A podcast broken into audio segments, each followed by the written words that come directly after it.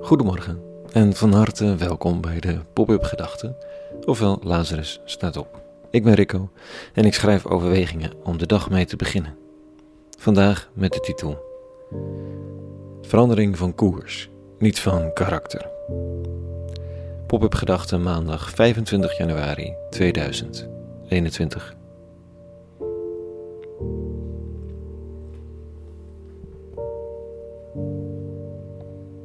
Niet ver van hier, van deze keukentafel waar ik de pop-up gedachten schrijf, is het Museumplein. De helikopter die boven de Amsterdamse binnenstad hing gisteren voorspelde al niet veel goeds. Er werd gevochten, met stevige inzet van waterkanonnen en ME. Heel even moest ik de neiging onderdrukken om te gaan kijken. Het is ook sensatie natuurlijk. Even iets meemaken in deze gekke coronatijd. Zou dat ook een aandeel gehad hebben in de coronamaatregelen heibel? Hier in de stad, in Eindhoven, elders in het land. Voetbalhooligans met te weinig om handen. Nou ja, het is ook meer dan dat. Ik bedoel, als hele redelijke mensen op mijn Facebook-tijdlijn echt het gevoel krijgen door overheidsmaatregelen in de tang genomen te worden zonder reden, dan is er buiten mijn online bubbel nog veel meer ongenoegen. Of beter gezegd, soms heilige verontwaardiging en dat ken ik wel, die emotie, heilige verontwaardiging. Er zijn er die dan ook niet zo goed begrijpen dat je wel heel kritisch bent op de overheid rond het vluchtelingenbeleid, maar zo mild bent over de coronamaatregelen. Deze pop-up gedachte is niet de plek om dat gesprek te voeren. Het is wel de plek om even in de helikopter te stappen om een poging te doen over de horizon van het moment heen te kijken.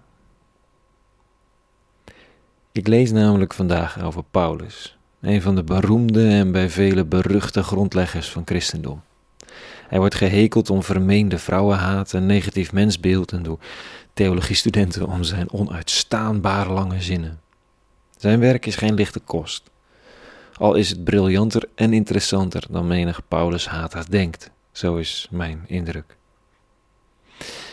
De man heeft een bijzondere geschiedenis, want de toewijding die spreekt uit zijn latere werk was ook de toewijding waarmee hij de volgelingen van de man van Nazareth achterna joeg, om ze achter tralies en veroordeeld te krijgen, eventueel veroordeeld tot de dood door steniging, als het zo mocht uitkomen.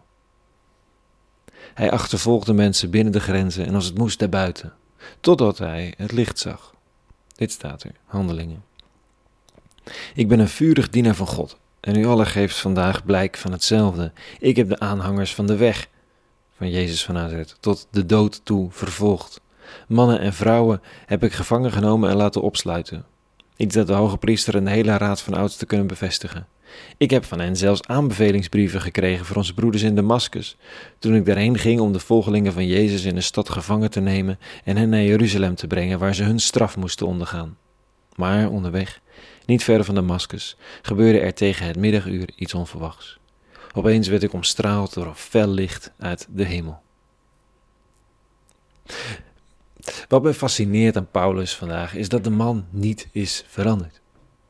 Er staat niet dat hij een vurig dienaar was, hij is een vurig dienaar en heeft niets anders dan halverwege de steven gewend en een diametraal andere richting ingeslagen op bovennatuurlijke instigatie. Wat zegt dat? Over jou en mij. Nou, misschien wel dat de karakter en de manier waarop je invulling geeft aan je inzichten niet zomaar veranderen.